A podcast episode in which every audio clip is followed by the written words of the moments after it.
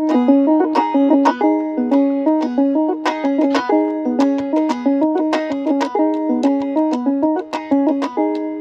مساء الخير يا شباب. آه، مرحبتين. حبابكم تاني في ورثة جديدة مع سيرفر براح.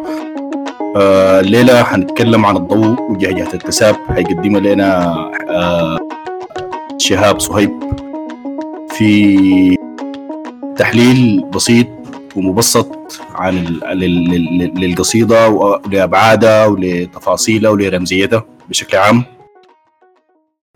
شهاب من الناس المهتمين جدا بحميت في السبع عشر سنين الأخيرة. ومتابع له ومتابع له من زمان من من من حياته يعني. وعرف وتابع وشهاب هو ما ما ما ناقد فني ولا ولا عنده علاقة بالآداب أو خريج آداب أو كذا. لكن هو مهتم جدا بشعر حميد لأنه بيعبر عن رمزية وعن نضالات وعن تفاصيل كثيرة. ولما يتكلمنا إنه في براح لازم يتكلم عن حميد وكذا وكان هو من من أول الناس اللي في البال يعني من من الناس اللي عارفين ودارسين في الموضوع كويس. و هو هسه أنا حنقدمه أستاذ شهاب. الراجل ال ال ال ال يعني أنا بعتبره من أساتذة في الموضوع ده. شهاب مرحبتين. حبابك. آه، اتفضل. طيب السلام عليكم يا شباب.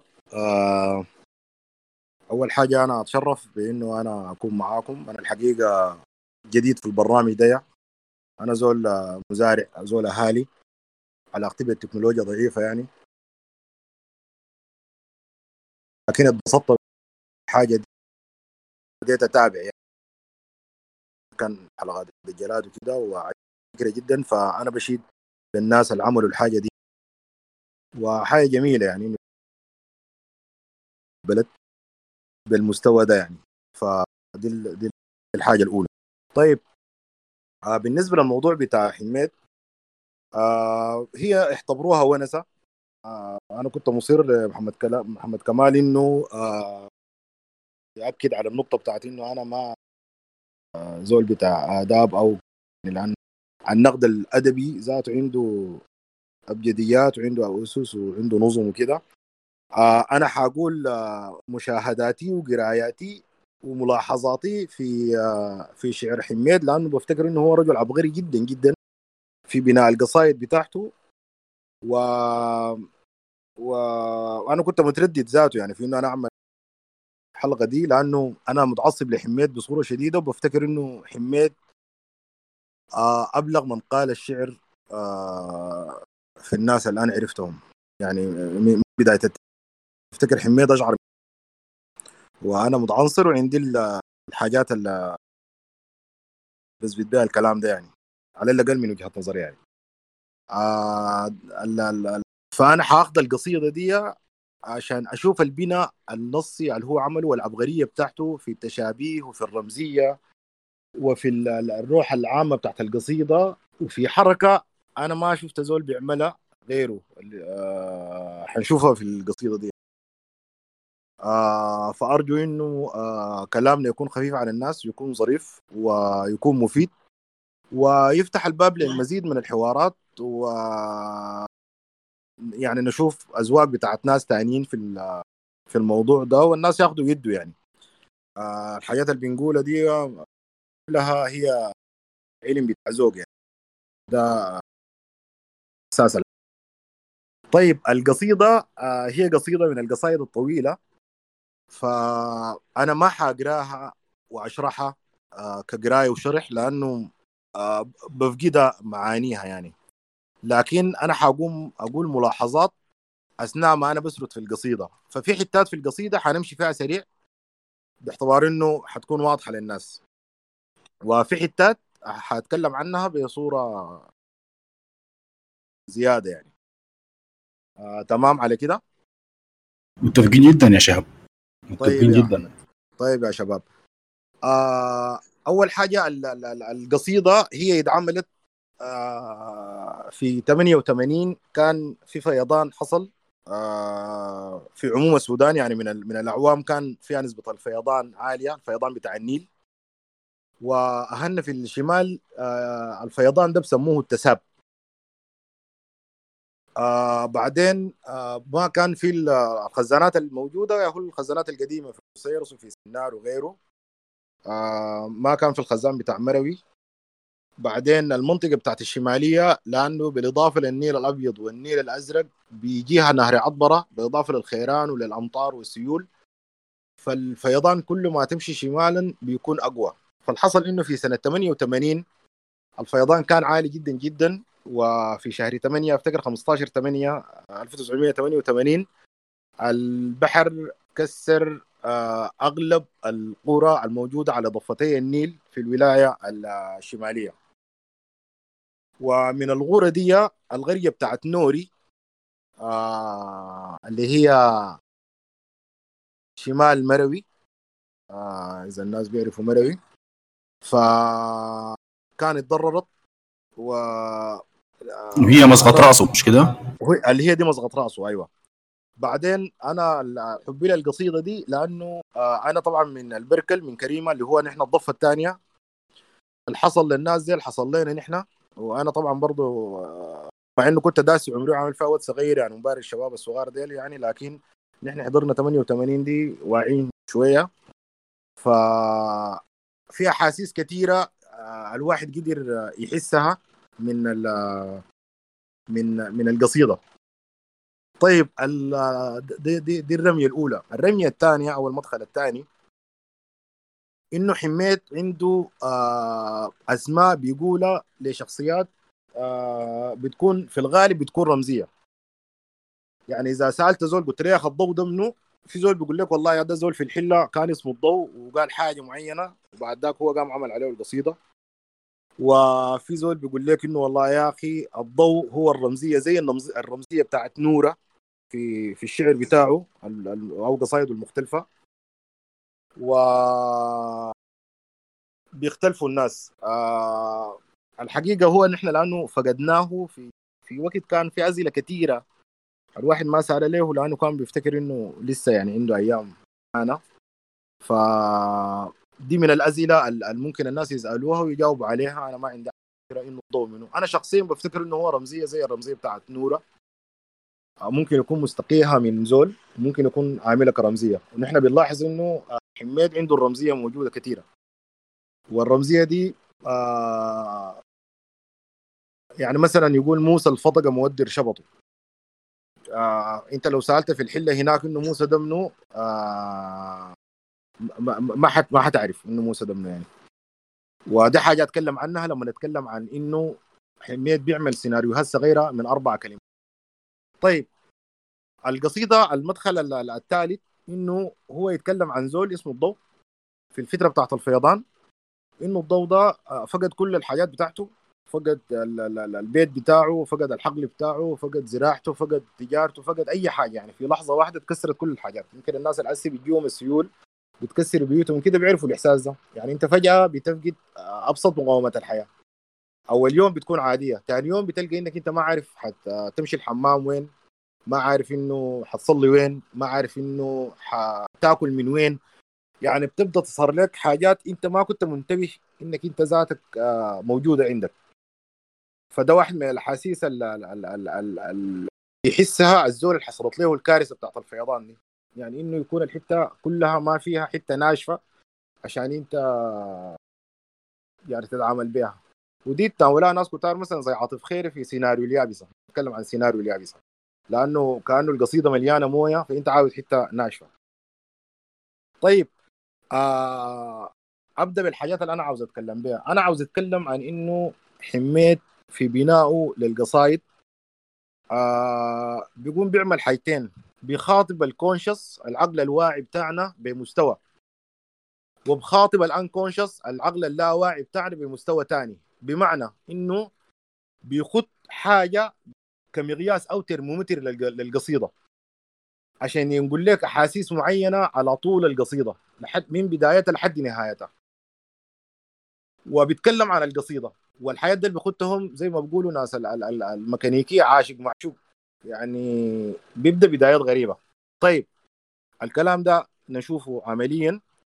قال القصيدة قال كان ظنه يوم يومين ثلاثة الموية تنزل والبحر يشرد شراد يفضل ترى.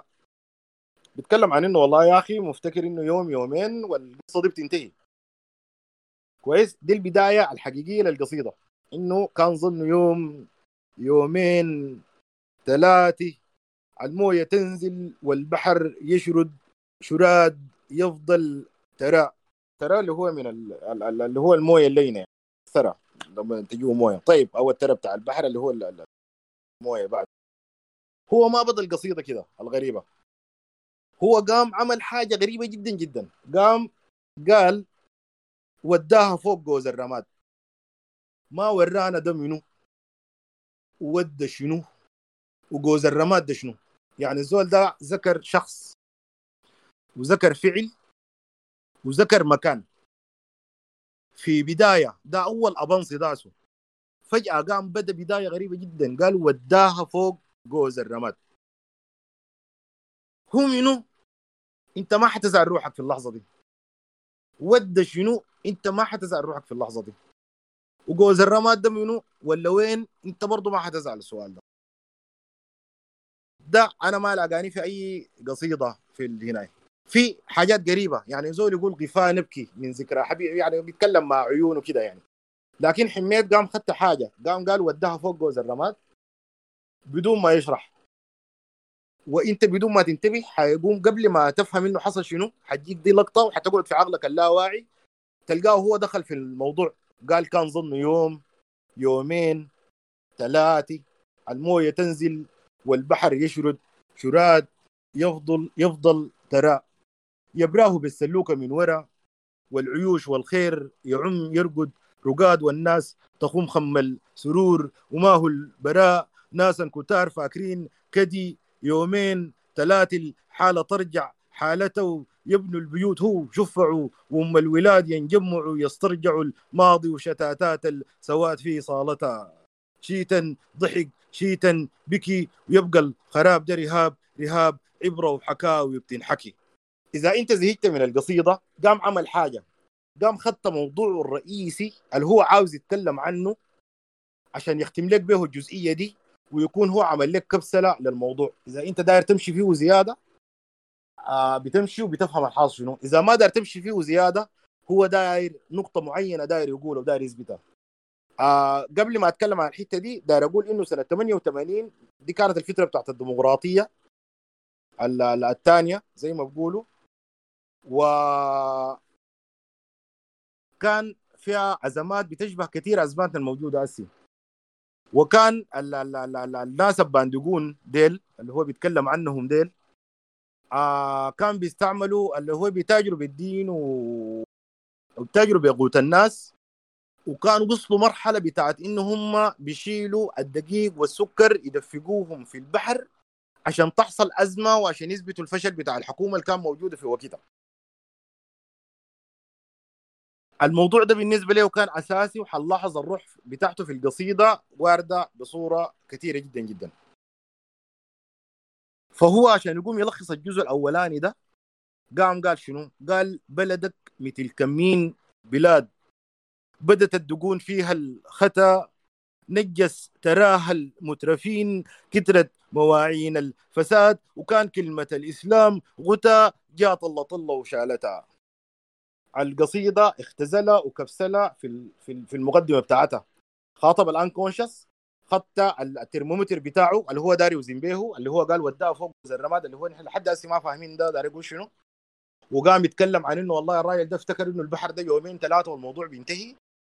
لكن قام لخص الموضوع بتاعه بإنه هو بيفتكر إنه البلد بتاعتك دي زيها وزي بلاد كثيره إنه الناس بتاعين الدقون اللي بيتاجروا بالدين ديل كويس. آه بوظوا نجس تراه المترفين وكثرت مواعين الفساد يعني بسبب الترف والفساد واللي هو ده أصلا بيشبه كثير الحياة الموجودة عندنا. وهم بيتكلموا عاملين كلمة الإسلام غتا اللي الفساد بتاعهم ده قالوا والله يا أخي إنه ده إسلام وما إسلام وكده. جاء طلة طلة وشالتها جاء البحر شال الكلام ده كله ينتهي منه. الراجل ده كبسل القصيده بعدين عشان يوريك إنه ده فيرس مقصود ما حاجة عشوائية. قام الحاجة اللي قبل كان المفروض يبدأ بها بتاع كان ظنه يوم يومين ثلاثة قام عادة ثاني المرة الأولى لما جابها زي ما قلنا بعد ما اخذت الستاندر بتاعه الحاجة اللي بيقيس بيها آه جابها تاني بعد ما قال الكبسولة الأولى بتاعته. الكبسولة الأولى ورى إنه والله في زول كان بيفتكر إنه في موضوع معين أو كارثة معينة عندها يوم يومين ثلاثة وحتنتهي. وبعد ذاك إنه تطلعاته وآماله إنه حيعمل شنو يستفيد من الحاجة دي كيف؟ لكن ده ما حصل. وقلنا إنه قال كلامه الأولاني اللي هو بتاع إنه بلدك مثل كمين بلاد بدأت الدقون فيها الخطأ نجس تراه المترفين كثرت مواعين الفساد وكان كلمة الإسلام غتا جاء طلة طلة وشالتها اللي هو ده, ده موضوعه الرئيسي إنه يا الناس بتاعين الدين الباندقون المطلصين لنا باسم الإسلام ده آه وهم مغتين الفساد. يعني كان كلمة الإسلام غتا والبواعين بتاعت الفساد اللي هو آه جاء طلة طلة وشالتها كلها على الماعون على الغتاية على أي حاجة اتشارت مشت برا. ده بالنسبة له هو الموضوع الرئيسي. عشان يوريك إنه دي ما الكبسولة دي مقصودة. قام بدأ تاني بيك كان ظن يوم يومين ثلاثة ومشى أسبوع والتاني جاء. قبلها أنا داير أقوم أمشي للحاجة اللي هو خدتها كستاندر. لأنه حيرجع لها بعد شوية. اللي هو وداها فوق جوز الرماد. منو هو اللي ودا هو الضوء صاحب الزول صاحب القصير هو ده يتكلم عنه. حماد عنده عنده الملكة دي إنه بذكر اسم الزول أو بدون ذكر اسمه بيقدر يخلق شخصية ويخلق المواصفات بتاعتها و يوري إنه هو عمل شنو. زي ما قلنا مثلا لما يقول موسى الفطقة مودر شبطه. موسى ده زول ده character ظهرت زي كتابة السيناريو. الفطقة ده وصف كامل. لما يجي يقول لك والله يا فلان ده أربعيني ما بعرف ماله كل الوصف بتاعه. فلان اسمه موسى الفطقة دي عدت الوصف بتاعه. زي يقولوا فلان العوير أو فلان البوم أو فلان الكده. ماله عمل شنو؟ مودر شبطه. كده رسم لنا صورة كاملة لشخصية قاعدة في حتة معينة آه ادانا المواصفات بتاعتها وادانا حدث هو عمله. عنده مقدرة غير عادية بأقل عدد من الكلمات إنه يدخل شخصية ويوصفها يخط علينا من ال characters الموجودة في العمل. طيب هنا ما جاب اسم الضو ذاته. قال وداها فوق جوز الرماد. طيب جوز الرماد ده عشان نحن نكون عارفينه الناس في المنطقة بتاعت الشمالية في الغرة قبل ما يكون في الغاز والوسائل بتاعت الكهرباء وكده كان بيكون في بيستعملوا الفحم والحطب والحاجات دي والواقود زي ما بيقولوا. فكان بيكون في رماد كتير جدا من الأفران ومن صاج العواسة والدوكة والحاجات دي. الغريبة إنه هم ما بيدعوا الوسخ بعيد من يعني من الضفة بتاعت النهر. هم بيدعوها قريب من البحر ذاته. فبقوموا يشيلوا الرماد ده بيكبوه في منطقة واحدة جنب البحر. والرماد ده بيكون بتاع الحلة كلها. فكترة الرماد دي بتعمل دائما جنب البحر بيكون في جوز. الجيزان بتاعت الرماد دي دي كانت الحدود بتاعت الترس. اللي كانوا حايزين به البحر قبل ما البحر ما يكسر و... و... ويجيهم في البيوت. والجوز بتاع الرماد بيكون دائما آه هو أعلى نقطة جنب البحر.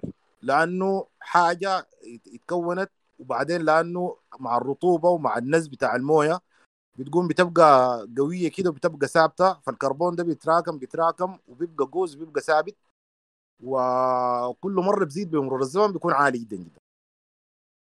فهو بيتكلم عن إنه الضوء ده ساق الحماره بتاعته دي وداها فوق الجوز بتاع الرماد باعتبار إنه دي على حتة في الوقت الحالي إنه الموية دي ما وصلتها.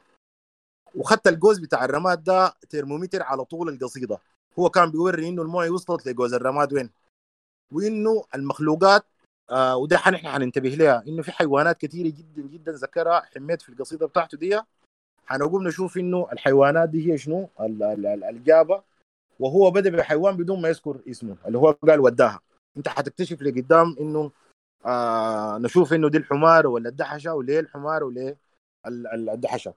آه أرجو إنه يكون آه شرحت جوز الرماد دي بصورة كويسة. طيب عشان يوري إنه هو داير يبدأ الفيرس الثاني قام بدأه بنفس المقاطع. قال كان ظنه يوم يومين ثلاثة مشى السبوع والثاني جاء.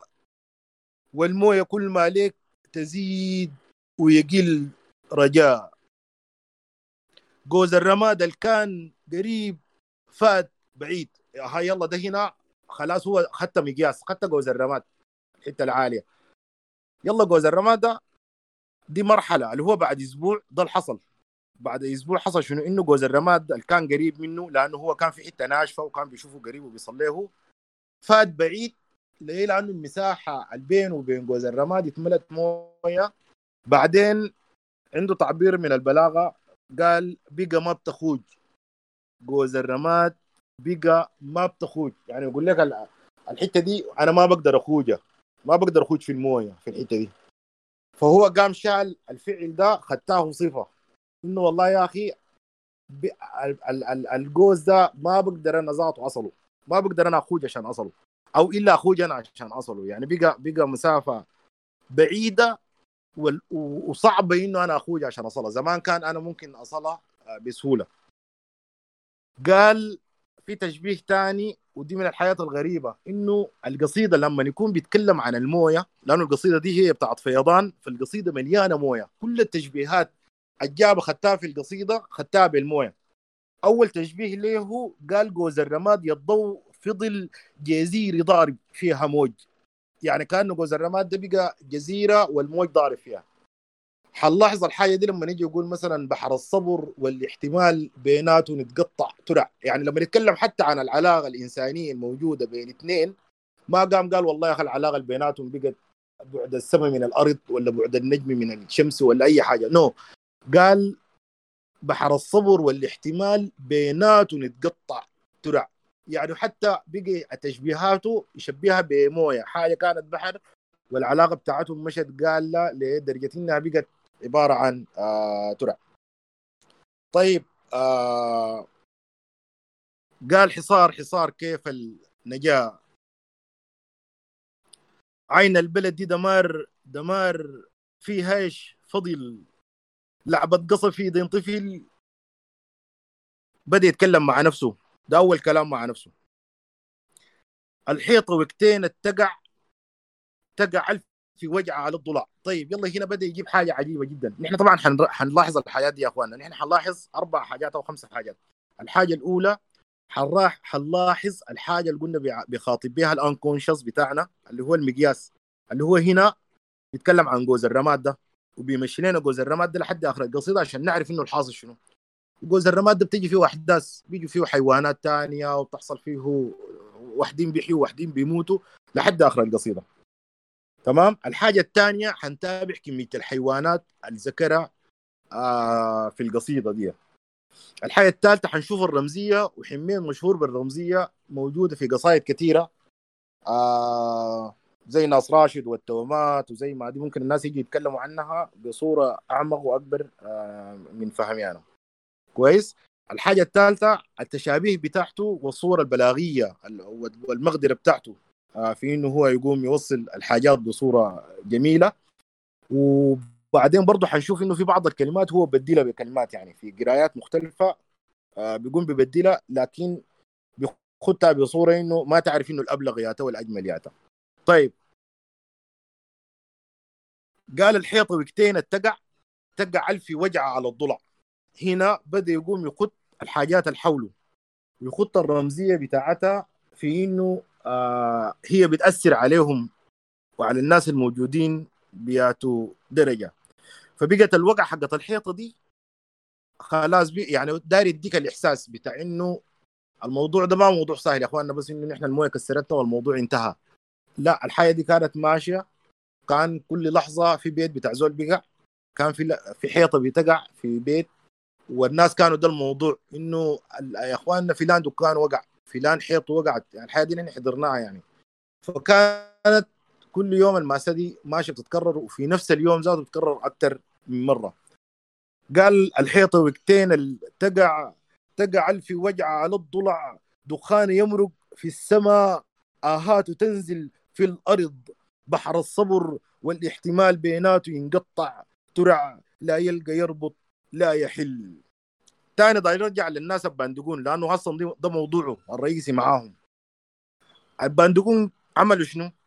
قال لا حول يا الكتب الكراريس المكرن في الشتل. في كتب وفي كراريس مكرنة اللي هو كأنه في سير سيل الموية شايل الحاجات دي.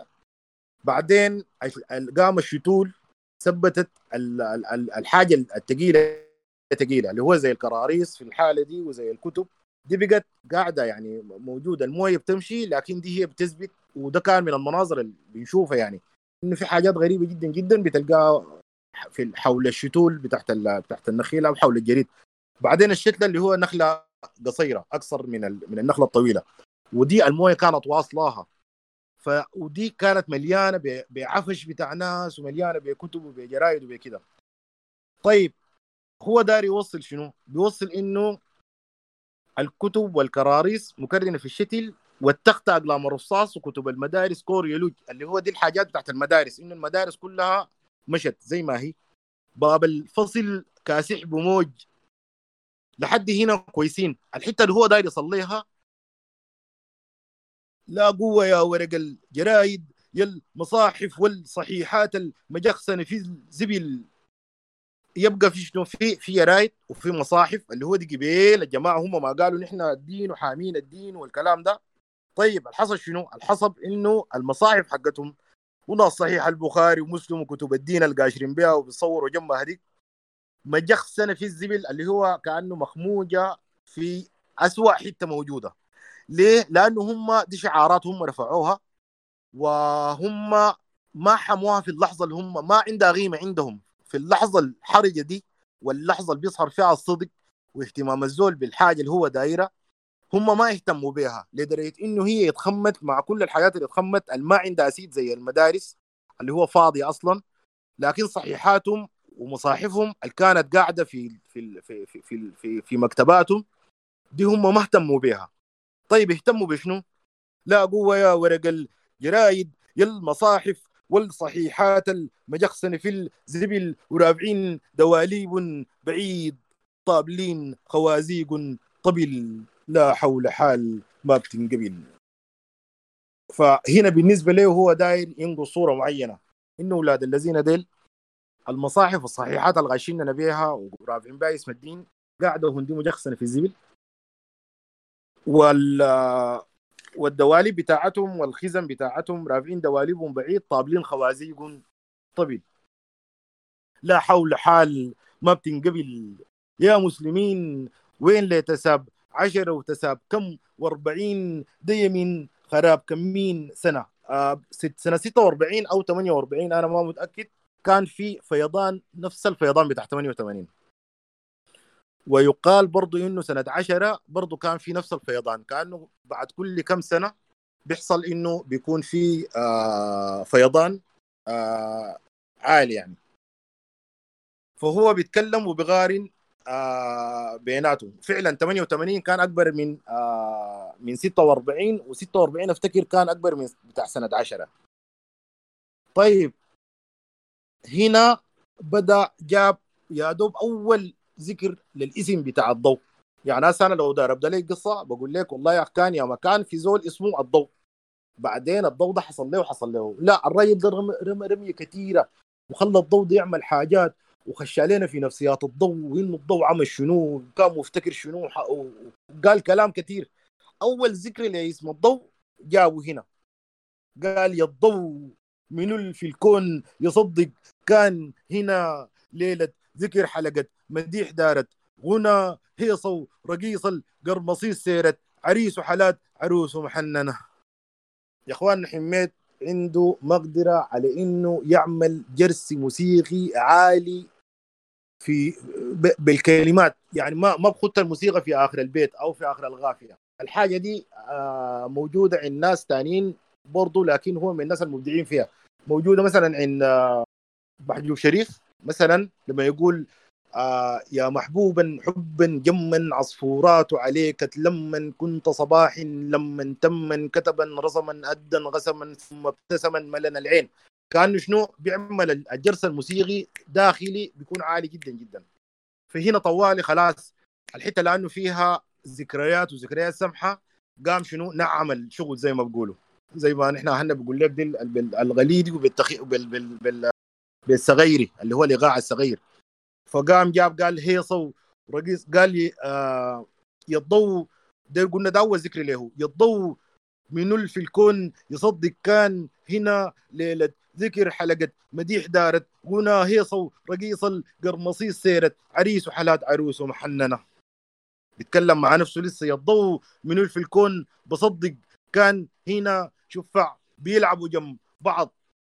يلا من التشابيه الجميلة. قال ديك لفة في الدش غبشي مشكنة ولا الشتي الخايف لها. فارد ضفاير حاضنة طيب نشرح دي شوية. قال منو في الكون بيصدق كان هنا شفع بيلعبوا جنب بعض. أدانا صورة صورة اللي شفع بيلعبوا. تمام؟ طيب حصل شنو اللي شفع ديل؟ ديك لفتن. لفتن دي زي زي كرة الشراب. يعني ملفوفة. اللي هو حاجة بيكونوا لافينها مرات حاشينها بحاجات غريبة جدا. كويس؟ ديك لفتن في الدش غبشي مشكنة الدشي اللي هو الشجرة البوشيز الشجر الصغير آه بيقول لك ده بيسموه دشي أو بيسموه تشي حسب المنطقة. كويس فكأنه في شفع بيلعبوا والكورة بتاعتهم خاشة تحت.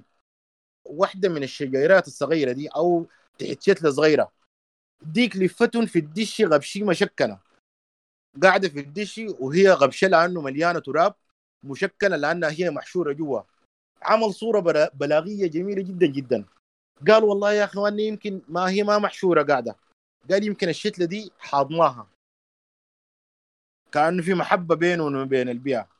قال شفع بيلعبوا جنب بعض ديك لفتن في الدش غبشي مشكنة ولا الشتل خايف لها؟ ولا الشتلة دي خايفة على الدش على الكورة الصغيرة دي؟ فارد ضفاير وحاضنة. والنخلة دي ذات الشتلة دي السعف بتاعها ده شبهه زي كأنه هو ضفاير. فارد ضفاير وحاضنة. وحاضر شنو؟ حاضر اللفة بتاعت الشفعة دي حاضر الكورة بتاعتهم دي. دي رومانسية في وسط العاصفة. جمال في نص الذكرى. آه ضوء في نص الظلام.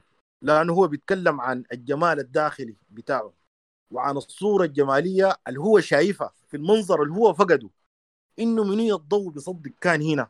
إنه كان في زفه ورقيص وشفع بيلعبوا واللعب بتاعهم ده ذاته هو كان بيعني له حاجات آه جميلة جدا. طيب. قال بات الفريق بهجي ومتمسح بالمي وين يضو نقاقير الهنا؟ بالمناسبة حميد من الناس البسيطين جدا اللي لسه بيقولوا مي. لأنه المي آه اللي هو بيعني الموية دي من اللغة القديمة اللي عندنا يعني وهي قديمة شديد يعني. لأنه بفتكر إنه اللغة اللي بتتكلم في المنطقة بتاعت الوسط والشمال دي هي نفسها اللغة بتاعت اللي كان بيتكلمون بها الفراعنة يعني. بعان كده كان بيتكلم زي حم... زي حميد ده لكن ده موضوع تلك قصة أخرى زي ما بيقول الطيب صالح يعني. كويس؟ فهو بيقول المي ما طال في بحرك في مي. شدرك مفدع بالجريد. آه فهو الوحيد اللي بيقول كلمة مي دي. وفي في المي موجودة. آه يعني الكا هو المدينة أو المكان. فلما الناس نقول كا ري مي ري مقدس اللي هو جاي منها الإله أمون ري أو الإله مرة كويس. ومي اللي هو الموية اللي هو بتعني مكان الماء المقدس دي مثلا كريمي. يعني ناس الناس بيقول لك كريمي انت بتقولوا كريمي عشان الناس بيجروا الكلام ودي كريمي كريمي. لكن هي كلمة فرعونية وكل المناطق دي إذا جيت باللغة العربية بتلقى عندها معنى يعني. كورو والكاسنجر والكده لأنه في الكا زي كارتون برضو. لكن تلك قصة أخرى ما نخش فيها.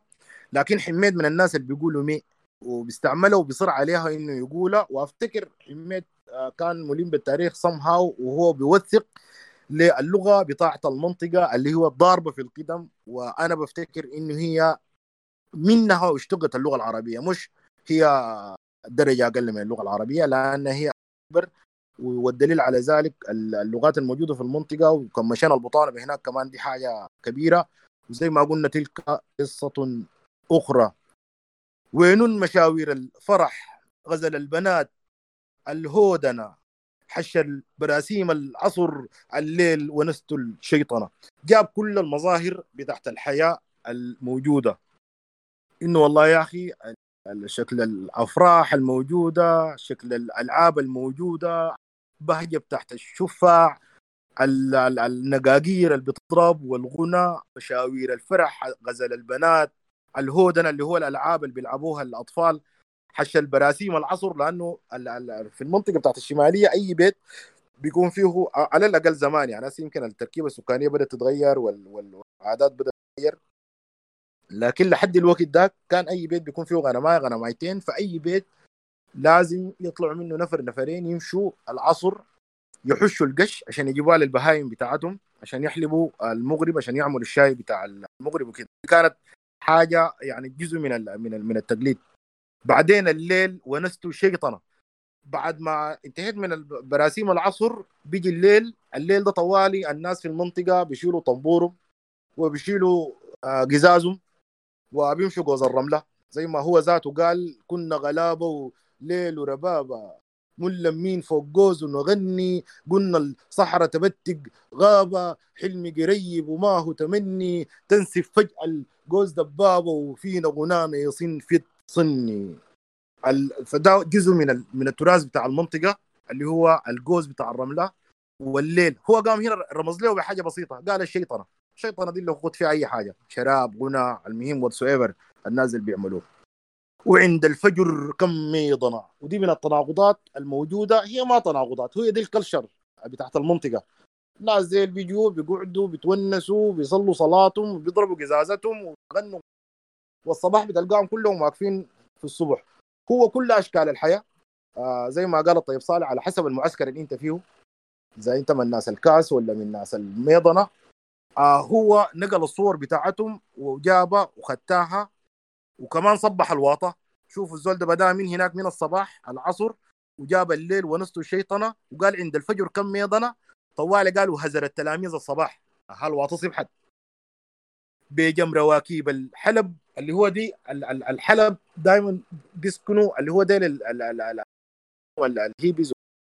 ديل كانوا بيصلوا حاجات الحديد والأباريق والكذا وكذا فبيسكنوا على تخوم الغورة والمدارس دائما بتكون آه بتكون برضو آه، بعيدة من البحر شوية لأنها بتكون اتبنت مؤخرا. فالناس بيقوم بيجوا جنب الرواكب بتاعت الحلب. فهو صبح الواطة قال هزر التلاميذ الصباح. هو بيتذكر في كل أشكال الحياة الموجودة في القرية بتاعته في المنطقة بتاعته.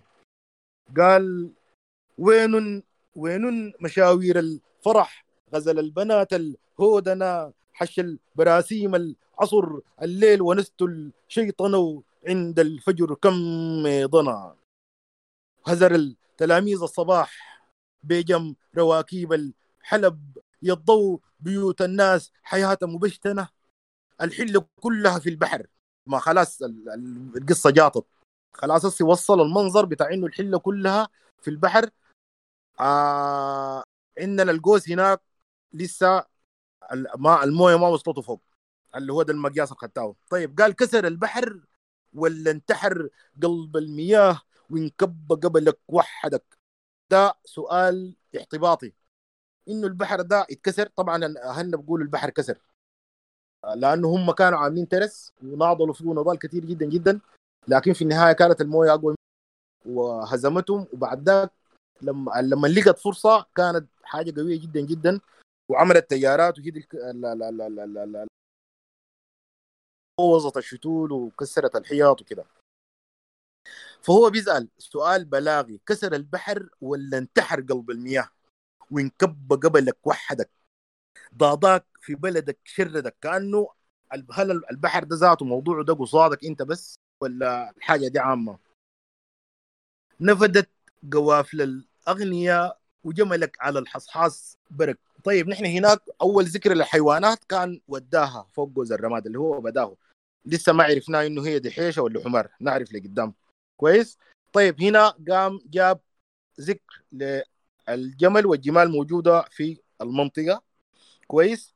ومشى لحاجة تانية. قال مرتاح حمام في البروج وانت حماما طاش يلوج لا سو عش لا رك رك شوف هو قام بدأ يقارن بين حاله وبين حال الجماعه الأرزقية الماكلين ديل بمقارنه الحمام بتاعهم. قال مرتاح حمام في البروج لأنه برضه الحاجة ال- ال- ال- المشهورة إنه آه، زمان كان بيكون في برج بتاع حمام في أي بيت البرج بتاع الحمام بتاع الجماعة الفطاحله ديل عاد مجيه ومروق. ومظبط ديل بيكون عنده صفيحتين كده تعبانات ولا قلة قديمة مكسوره يعني حاجة تعبانة كده الحمام ده يتشرد لأنه الحتة اللي كان بيقعد فيها اتكسرت والبيوت ذاتها اتكسرت هم لسه طبعا بيوتهم مبنية بأسمنت وكده وعندهم بروج بتاعت حمام فالحمام بتاعهم لسه عايش بصورة كويسة. فهو قام عمل المقارنة بالحيوانات دي والحيوانات كتار شديد هنا في في القصيدة دي. طيب قال مرتاح حمام في البروج. وانت بحماما طاش يلوج. الحمام بتاعه طاشي يلوج دي يعني ما عارف يمشي وين. الحمام قاطع موضوع عديل لأنه ما عارف يرك وين ما في حتة ناشفة أصلا موجودة.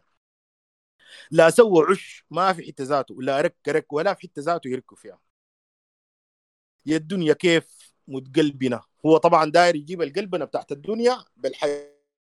شهاب الصوت قطع؟ آه أيوه. قطع بدري ولا قطع أسي؟ لا لا قطع يعني أنت ما بتقول إنه هو بغارم ما بين الحمام وكيف إنه البروج وال طيب. حتة الحمام. طيب نحن نخلي الحمام ونغارم بين بين حيوانات تانية هو بدأ يجيب في حيوانات. قال جملك على الحصحاص برك. قال مرتاح حمام في البروج وانت بحمام طاش لوج لا سوى عش لا رك رك. قال يا الدنيا كيف متقلبنا؟ بدا بدأ يلاحظ الحيوانات وللمقارنة بيناتها قال متقلبنا كيف؟ قال تصحى العصافير الوديعة مع الصباح متخلقنه وشر الكلاب متمسكنة. وين نرته وهي وين الليل غاب؟ كلب الجناين زيه زي كل الكلاب. كلب الغلاب المستغلين العبيد الليل سيد ريس مهاب. كلب زهانة تهين هان من المهانة تقول له تك حكم انقلابات التساب. الزول ده عمل حاجة عجيبة جدا جدا. أول حاجة جاب ذكر لحيوانات كثيرة بعد ما قال الجم- الجمال والحمام. والحمار هناك والدحيشة قال العصافير وقال الكلاب. وقارن بين الكلاب زي ما قارن بين الحمام. وجاب لفظ بتحتك عشان يرمز لل- للكلب بأنه يشبهه بأنه غنماء يعني باعتبار إنه أقل منه عنده شخصيا في المرتبة يعني. طيب قال شنو؟ قال والله تصحى العصافير الوديعة مع الصباح متخلقنا الر- الراجل ده بيرمز للناس ذاتهم بالحيوانات.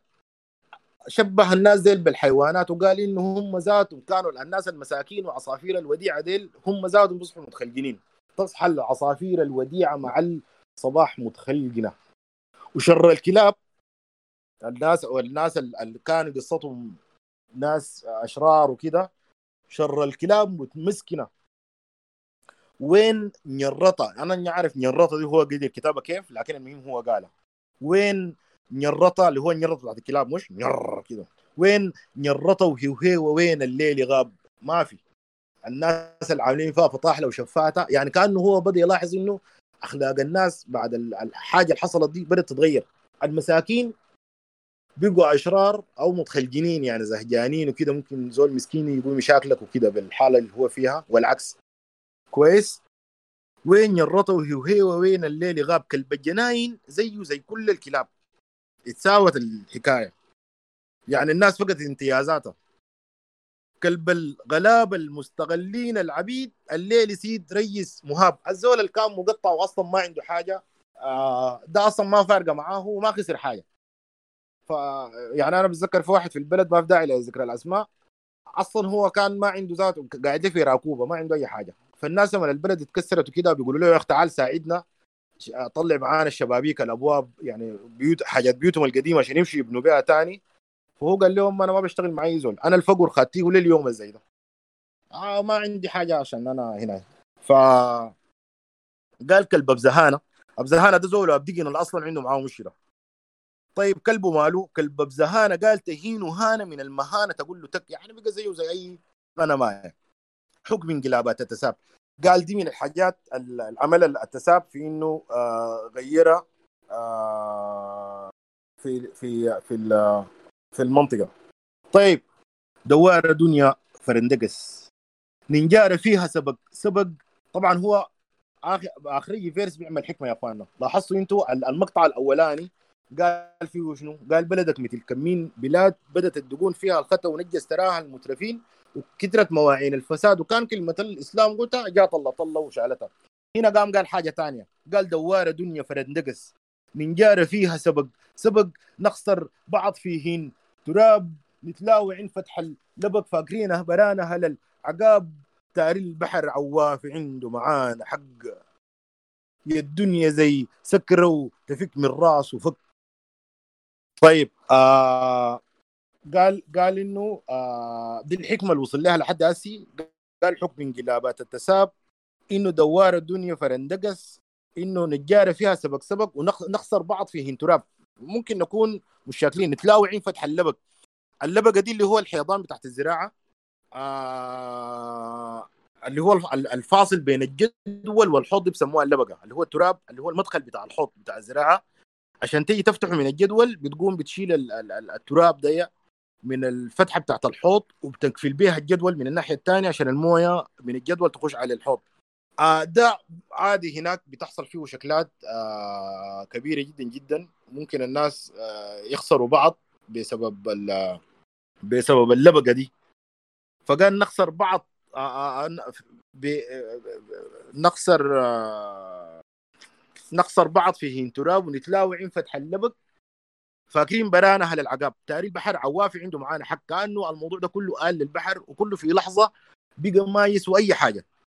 فبالنسبة له قال يا الدنيا زي سكره وتفك من راسه. فكأنه في الدنيا فجأة أنت بتكون كنت غرقان لك في في حتة ضيقة وبتفتكر إنه الجدول ده حاجة ضخمة جدا جدا والموية واللبقة وكده. في لحظة واحدة المقاييس بتختلف والحياة بتتغير والحقائق بتظهر لك وبتبقى زي كأنك أنت كنت سكران وعيد عشان كده قال يا الدنيا زي سكرة وتفك من راس وفك. بعض المسافات اتلغت. الفارغة طنبجة والملاني تفرغت دي زي طال كان قصير والعالي تحت. الحاجات بدت آه تتغير. قام ظهرت حاجة هنا جديدة. قالت دندهوبات زي بعض. شكل العديدي ورصها. نفس العناقريب نفسها. الدندهوب ده أنا بفتكر إنه في القصايد حقت المنطقة غير القصيدة دي ما ظهرت في أي حتة وما في زول وسخ للدندهوب غير هذا السيد حميد. الدندهوب هو راكوبة مقلوبة. يعني أنت لما تعمل راكوبة بتعمل لك شعب كده زي أربع شعب وتعرشهم بحاجة وتقعد تحتهم. الدندهوبات برضه هو الدندهوب ده فيه شعب وبتعمل فيه فوق بتعمل له زي فرشه من فوق لكن بتقعد من فوق له. ما بتقعد تحت. فالدندهوبات دي ظهرت مع التساب. اللي هو الناس بقوا يعملوا شنو؟ بقوا يعملوا رواكيب عشان يرفعوا فيها الحاجات فوق. يعني كأنه هي راكوبه استعمالها معكوس تمام؟ الدندهوب ده ظهر في الفترة بتاعت. بتاعت الفيضان دي واختفى بعد ذاك. لكن حميد كان مصير جدا إنه هو آه يوثق له وذكروا أكثر من عشر مرات في القصيدة دي وأنا الحقيقة ما لاقاني في قصيدة ثانية أو توثيق له طيب الناس بدل ما كان عندها بيوت انتقلوا لثقافة ثانية انتقلوا للثقافة بتاعت الدندهوبات. انتقل للثقافة بتاعت الدندهوب. قال الدندهوبات زي بعض. بعد ما أنت كان عندك بيت عارف إنه ده بيتك فجأة بقى في رواكب وأنت لسه ما عارف الرواكب دي شكلها كيف. لأنه الوقت ذاك ما كان في خيام جد. فالناس بدوا طوالي إنه يعملوا ال يعملوا في يعملوا الدندهوبات دي ويبدوا يخطوا فيها حاجاتهم. فقال الدندهوبات زي بعض. شكل العديد ورصها. أي زول عامل نفس الحاجة. نفس العناقريب نفسها. عفشك ده غير عفشك ده حق غيرك تشك. يدخل في بالك ألف شك. ما الحالة أصلا من بعض. حكم انقلابات التساب الحصل إنه فجأة شكل البلد اتغير يعني أنت ما بتكون ماشي البيوت أصلا فاتحة في زقاقات. في الزقاق أنت عارف إنه ده بيت فلان وده بيت علان وده بيتي وده بيت كده. فجأة بقى في عالم تاني مختلف تماما. العالم المختلف ده آه بقى مبني على الدندهوبات. والدندهوبات دي بتتشابه وشكل العدة الموجودة في الدندهوب بتتشابه وشكل العناقريب بتتشابه وشكل العفش الموجود بتتشابه. حكم انقلابات التساب الدنيا كلها حلتك. تنضم مع الفاخر الفريق من غير تفوت محلتك هنا واحدة من الحاجات هو قراها البلد في واحدة من القرايات بتاعته وفي واحدة قراها الفريق. ودي من الحتات اللي هو بيغير فيها الكلمات ودي بتبقى حسب المنطقة أو حسب الثقافة أو كده. طيب تنضم قال الدنيا كلها حلتك. تنضم مع الفاخر الفريق من غير تفوت محلتك تحكي له قصة قصها إن نفسه فيها تحسها إن ماها فيها تحسها. حتى الأحاسيس نفسها الحالة كلها من بعض. قام تاني رجع لنفس الموضوع القديم. أول موضوع بتاعه الرئيسي. عشان لو أنت زهقت من الحتة دي وداير تمشي يا سلام في زول جاب صورة بتاع الدندهوب أشكرك يا سيد أنور يعني. هو تاني قام جاب الحتة عشان أنت لو أنت القصيدة أنت ما سمعت الجزء الأولاني وراك. كلم لك عن سباندقون ديلك. هنا قام قال شنو؟ جاب تاني سيرته عشان لو انت هنا ده داير تمشي هو يكون برضه قال لك كلامه. قال إلا قال ما الحالة كلها من بعض. إلا المساخيت الدقون خدتوها بين أهلك قرض. بشنو؟ بالدين وبالطين بالنسب. اللي هو ده الحاصل عندنا ناسي يفرقوك أصلا بالدين أو بالطين. فلان عنده فلان ما عنده طينك طيني يعملوا لك فتنة دي واعطاتكم دي واعطاتنا نحن رعاة نحن مزارعين. وبالنسب اللي هو القبلية القايمه فيه ناسي وعاملة لنا مشاكل في السودان ده كله بالميكروفونات بالخطب الكلام اللي أصلا ما فيه حاجة بالبنطلونات بالرتب. اللي هو ديل المدنيين والعساكر اللي لسه قاعدين عندنا ديل. دي الحاجات اللي بتفرق. عملوها منو؟ عملوها المساخيت الدقون لازم هو كل فيرس والثاني يجيب الحاجة دي لأنه ده الموضوع الرئيسي بتاعه بتاع القصيدة حسب فهمي أنا فرق تسد دي الطريقة بتاعتهم. تاخذ قناديلك تفوت وينكتلوا في حزمة قصب. ويوم تصد تلقى البيوت في زيارة باني العنكبوت. هنا ظهر حيوان ثاني اللي هو ظهر العنكبوت. بالمناسبة الصور دي بتاعت الحيوانات دي دي من البلاغة لأنه ظهرت في القرآن كثيرة. في النمل وفي النحل وفي العنكبوت وفي في في الجمال وفي الإبل وفي كل كل كل الحيوانات دي. في الآثار القديمة الموجودة في النقع والمصورات وفي جبل البركل وفي الكرو وفي غيره وفي غيره حتلقوا إنه في راس الكبش وراس الأسد والطيور بمختلف أنواعها وال والجعران والكده وكلها هي رموز. فأنا بفتكر إنه الحضارة بتاعت الناس آه، والتصوير بتاعها الأدبي والبلاغي لازم تظهر فيه الحيوانات دي والرمزية بتاعتها. وهنا العنكبوت في زيارة باني العنكبوت إنها مهجورة. ويوم التصوت تلقى البيوت في زيارة باني العنكبوت. الزير بتاع بيت فيه عنكبوت معناته البيت ده ما فيه زول لمدة طويلة. لدرجة إنه الزير فضى وفي عنكبوت جاء وعمل آه البنه بتاعه لبيته فيه. والحزمة القبيل وينكتلوا في حزمة قصب. الحزمة القبيل بقت شنو؟ والحزمة شاهد في التراب. نحن هناك بعد ما يعملوا القبر بيقوم بيغزوا لك جريدتين كده أو يغزوا لك حزمة بتاعت قصب. أنت انتهيت خلاص. أنت بقيت عبارة عن حزمة بتاعت قصب. حرسك يطنبر منه فرسك يكد لسيادة تسأل عنها لا زول يرد.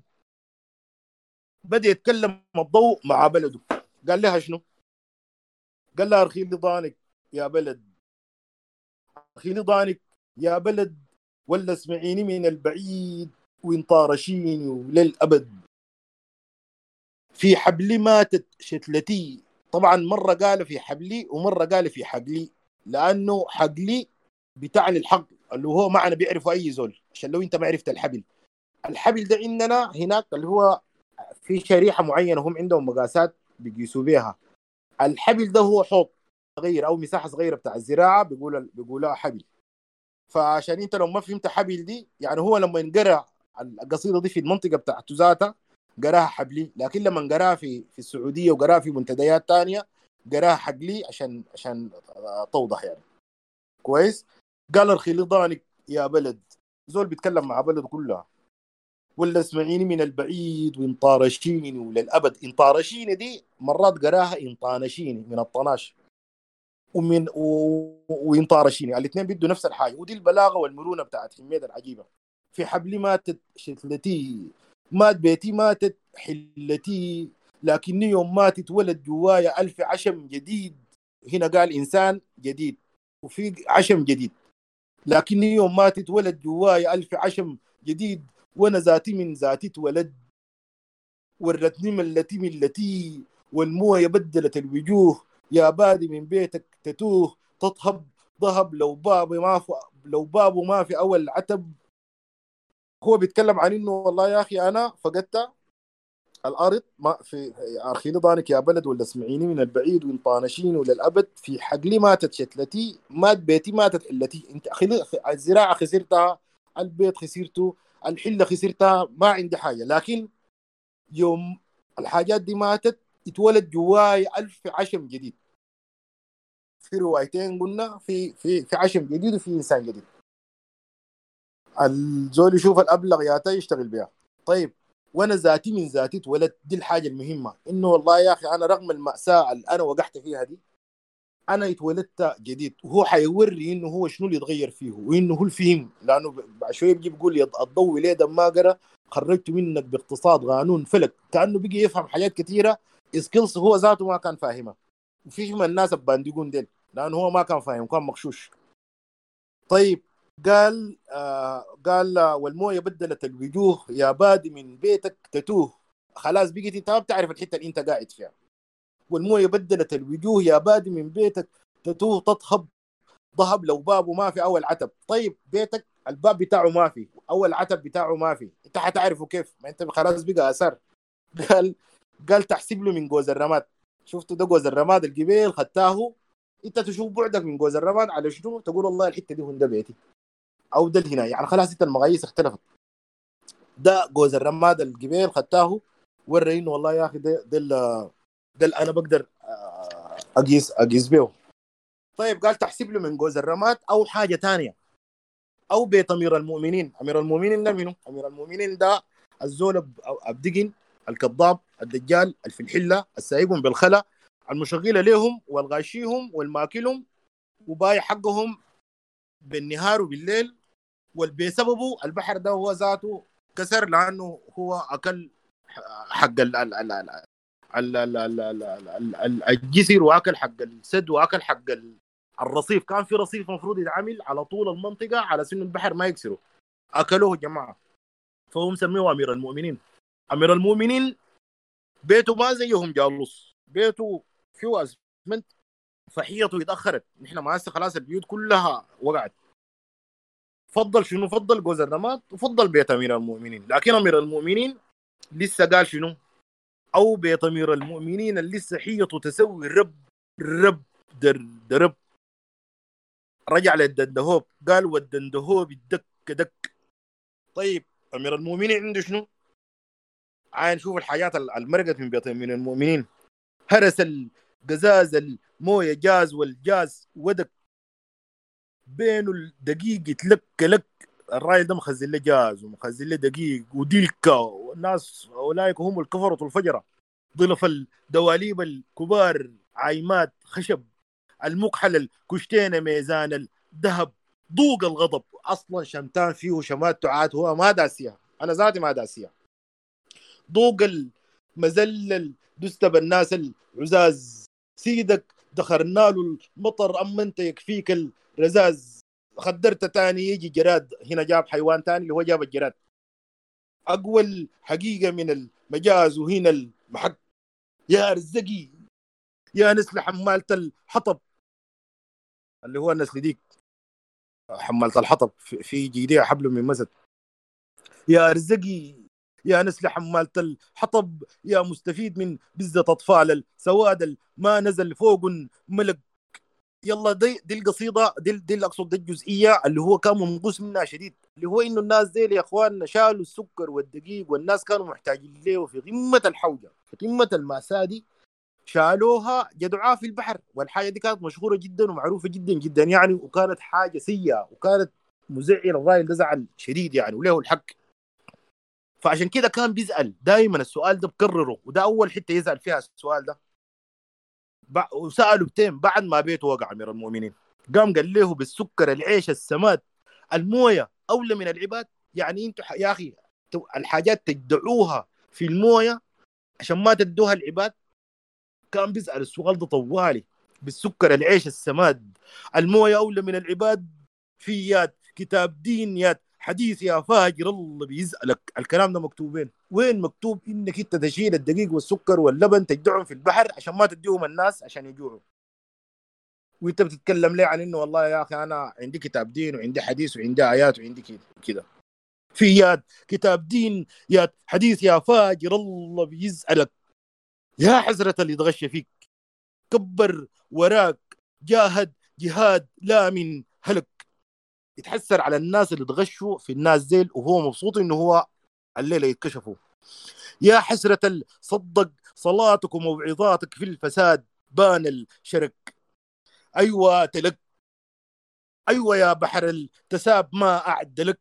شكرا جزيلا يا بحر رغم الكساد بحت لنا العفن المكرن في الزمن من عهد عاد. والضوء وليدا ما قرا خرجت منك باقتصاد قانون فلك جف المداد ما عدلك. جف المداد ما أعدلك بالسكر العيش السماد الموية أولى من العباد. يا شارع الثورة القصادة هل المسالمين البعاد؟ يا بندقيت هنا المحق الرايل ده شمتان شمتة شديدة في أمير المؤمنين. لأنه ممغوس من الرايل ده مغس الشديد. الرايل ده سايقهم بالغابة وشابكم ليك. الله قال والرسول قال وعنده صحيحات وعنده قرآن وكده. الحكاية طلع في النهاية هو حرامي وماكلهم ومدفق الزيت والدقيق في في في الموية عشان هم ما يأكلوها. والحاجات دي طفحت وجاتهم مارقة. وكلامه الفات ده كله لقوه كذب بتاع جهاده وحاجاته وما بعرف شنو شنو دي. فالراجل ده أصلا ما, ما يعني هو ذاته بالنسبة له إنه البحر ده كونه كسرهم كلهم. هو ذاته مبسوط. طالما إنه الراجل ده يتكشف لهم دي بالنسبة له حاجة مهمة جدا. وهو بيفتكر إنه الضوء ليدا ما قرا خرجت منك باختصاص قانون فلك. هو ذاته يتعلم حاجات جديدة وكانه هو كان محتاج لل للحاجة للكارثة اللي حصلت دي. زي ما نحن كنا محتاجين للثورة وكنا محتاجين لفضل الاعتصامنا وبنمشي وما حقول لكم زي ما قال راين حننتصر وحنعبر لكن حنشيلهم كلهم برا. حنبنيهم. حس المطر بين الشدر والضوء معل فيها انشده طيب قال هو قبل عليه القبلة وندى. شوف الراجل ده فاصل تماما بين علاقته بين ربه وبين الراجل اللي بيتاجر بال... بال... بالحكاية دي. هو علاقته ما خلاه وما قطعه. قبل عليه القبلي ونده قبال يمد يده انتبه. حس المطر بين الشدر والضوء معل فيه شده بر المطر. أها محاصر الرايل ده في الدندهوب برضو المطر. خدت البريش فوق رأسه لكن المطر رو الهواء حميد بالمناسبه من الناس اللي بيستعمل الأصوات كثير جدا. حنلاحظ برضه للحاجه دي موجودة؟ ده استعمال للصوت. قال أول مطر أول هواء وراس تمره فوق عفش المساكين الجريد رمى دهوب العدي فاتت بالبحر. يلا خلاص وصل مرحلة ثانية البحر جاء البيوت اتكسرت. آه فضل بس وزرامات هناك وبيت أمير المؤمنين. خلاص يتكسر كويس. المرحلة اللي بعدها بقى إنه في مطر لسه قاعد تجي. وفي هواء الهواء ده بقى يعمل شنو؟ بقى يكسر في الدندهوبات ذاتها. الجريد رمى دندهوبه العد فاتت في البحر. ما ورانا دي منه برضه ده واحد من الذكاء بتاعه. قال الجريد رمى دندهوبه الراجل ده أنا عاجبني فيه إنه بيجيب سيرة الزول بدون ما يجيب سيرته. يعني فجأة كده بدخل لك character. بيعمل حضور بتاع زول قبل ما يجيب الزول. يعني دائما نحن تعودنا إنه يجي زول. بعدين يجي الحضور. يبقى حضور فيه يغيب في أعماقنا ويصبح باكر. لا الراجل ده بيجيب حضور الزول. قام جاب لنا سيرة بتاعت واحدة دي منو دي يا أخوي؟ قال دي واحدة دندهوبة غاية وقع رمى دندهوبة. هي ميني؟ العدة فاتت في البحر وعدتها مشت مع البحر. دي منو دي؟ برش الصلاة لافحوا الهواء لاحظ هنا خدتها لينا جدعة. جاب سيرة زولا ومشى. بعد جاب الحضور بتاعه بعد شوية حيجي يقوم يقول لنا إنه دي منه برش الصلاه لافحوا الهواء ويبريق يسرسر بين كرر. ما خلاص في حاجات بقى يعني يبريق ده حتستعمله في شنو؟ تستعمله وين ذاته؟ ما في حتة ناشفه ذاته. يا الله ستها في السفر. ست ست بدا بدأ يوضح لنا شوية شوية. ست منو؟ ست شنو؟ ست الدندهوب ده أو العده دي. ستة في السفر. والضوء ينط من دندهوب يجيب صاد صوت المطر بدأ يلقط في الحاجات حقت الدندهوب اللي اتكسر حق المرأة اللي هو جاب لنا سيرتهم ما ورانا هي منه لكن عرفنا إنه هي في السفر ما قاعدة. الحاجات اللي بدأ يلقط فيها قال في ايده كوز سبحي وككر. الككر ده بمبر لكن بتاع خشب. آه، ما منسوج بحبل يعني. يعني معمول كله كامل آه، من الخشب وده من الحاجات التوارثه من من زمان بعانخي يعني. في ايده كوز سبحي وككر حلة ملاح كراس غنى إعلان قضية علم طلب برواز قديم حاضن عروس وعريس وسيم بين كم نفر. دي الحاجات اللي لقطها جابها. قال لكن حاجة لطيفة. قال في ايده كوز سبحي وككر حلة ملاح كراس غنى إعلان قضية علم طلب برواز قديم حاضن عروس وعريس وسيم بين كم نفر. قال حاجة لطيفة لأنه هو راجل فني. قال السبحي والكوز ملة هو لأنه راجل رمزي فالسبحه والكوز ديل معروفات كوز دي بتاعت الكيزان. السبحة دي اللي بيتاجروا لنا بيها وبيغشونا بيها. ديل قال ما حقاتها لأنه هي زولة دغرية بشكر فيها. قال السبحي والكوز ملة تشبه أمير المؤمنين. باكر يقول سرقتها فننا يفنها في البحر. أصلا هو حاجة من الناس دي ما داير. والرمزية بتاعت الدجل دي في اللحظة ديك هو جدع في البحر. كأنه البحر ده لما قام بفيضانه ده شال كل الدجل اللي كان اكتسبه بصورة أو بأخرى من من العهد بتاع أمير المؤمنين ده وشال جدع في البحر. وإن شاء الله نحن نشيل كل الحاجات اللي اكتسبناها من الكيزان في ال 30 سنة دي أي حاجة سيئة نشيلها نجدع في البحر عشان نقدر نمشي لقدام. السبحي والكوز ملة تشبه أمير المؤمنين. باكر يقول سرقتها فننا يفنها في البحر. أقوى البحر ولا المطر أو الرياح؟ بتصح في الجو الجراح. بتحت من الجوف الفكر. إيش في الوعر؟ عش قمري بفرخين وكان من حظ ورر. هنا قام جاب قمرية وجاب الورر. الورر ده اللي هو من الزواحف زي السحالي. طبعا زمان كانوا يقولوا يقول يقولوا الورر هو مساحه كده لكنه حيوان غايم بذاته. آه وهو طبعا أفتكر اسمه الورل باللام لكن إحنا بنقول ورر في في المنطقة. فقال عشقمري بفرخينه كان من حظ ورر. خلاص الموية بقت فوق الورر ده حيوان بري فقبض هنا فجاب قمري وجاب ورر وبقى إنه في حيوان بياكل حيوان. الحكاية كلها جاطط طيب قال يا رازق الحيوان أخوه في حيوان بيرزقه حيوان. يا رازق الحيوان أخوه الينجى من كيد البحر؟ ما ينجى من إيد المطر. والينجى من إيد المطر؟ ما ينجى من كيد الرياح. والينجى من كيد الرياح؟ ما ينجى من كيد الفقر. يد الغدر. فهو بيتكلم عن الدايلاما والمصيبة اللي وقع فيها دي إنه هو عنده مشكلة إنه والله يا أخي بقى محاصر. كان مرق من من البحر ما بيمرق من المطر وكان مرق بين المطر ما بيمرق من الرياح وكان مرق من الرياح ما بيمرق من الفقر كأنه هو عنده مشكلة كبيرة جدا. الفقر دي بيرمز بها للجماعه الدجالين بتاعنا هي ديل صمير المؤمنين أكلين حقه دفقوا اللبن والسكر والحياة دي في البحر. ما حربك يا بشر. انت الغريب والموج يشيل غادي ويجيب ينكربش النيم الدبيب. جاب سيرة الدبيب. جاب حيوان جديد. والضوء مو جايب لك خبر. طبعا ما خلاص انت ال ال ال كل الحيوانات الموجودة والحشرات والدبايب والعقارب كلها بقت كايس الحتة الناشفة. انت الحتة الناشفة الصغيرة دي قاعدين كلكم سوا. فهو ما جاب خبر الدقيقة طلع الدبيب طلع في في النيمة. انكربش النيمه الدبيب والضوء مو جايب لك خبر طق دندهوب ناس ست نور عود انكسر حميد مبدع في الأصوات. أول هوا طق دندهوب ناس ست نور عود انكسر يعني يديك الحاجة بإحساسها قول الطق دي أنت تسمعها في أذانك. طق دندهوب ناس نور عود كسر وفات بالبحر.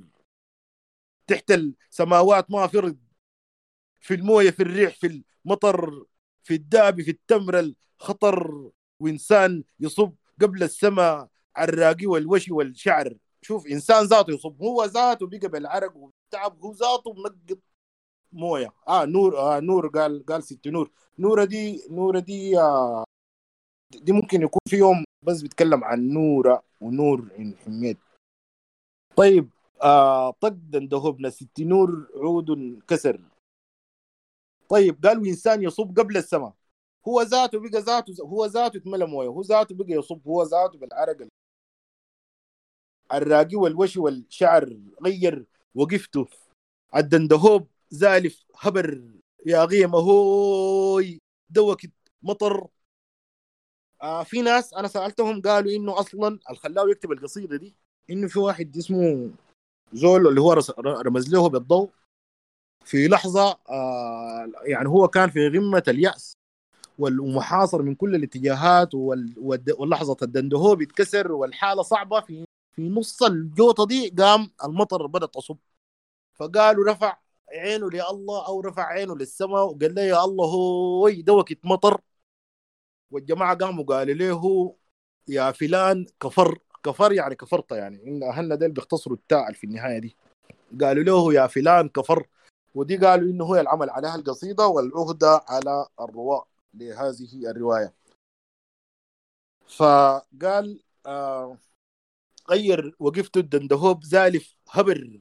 يا غيمة هوي دوكت مطر وارتج جوف الجو رعد يضو كفر.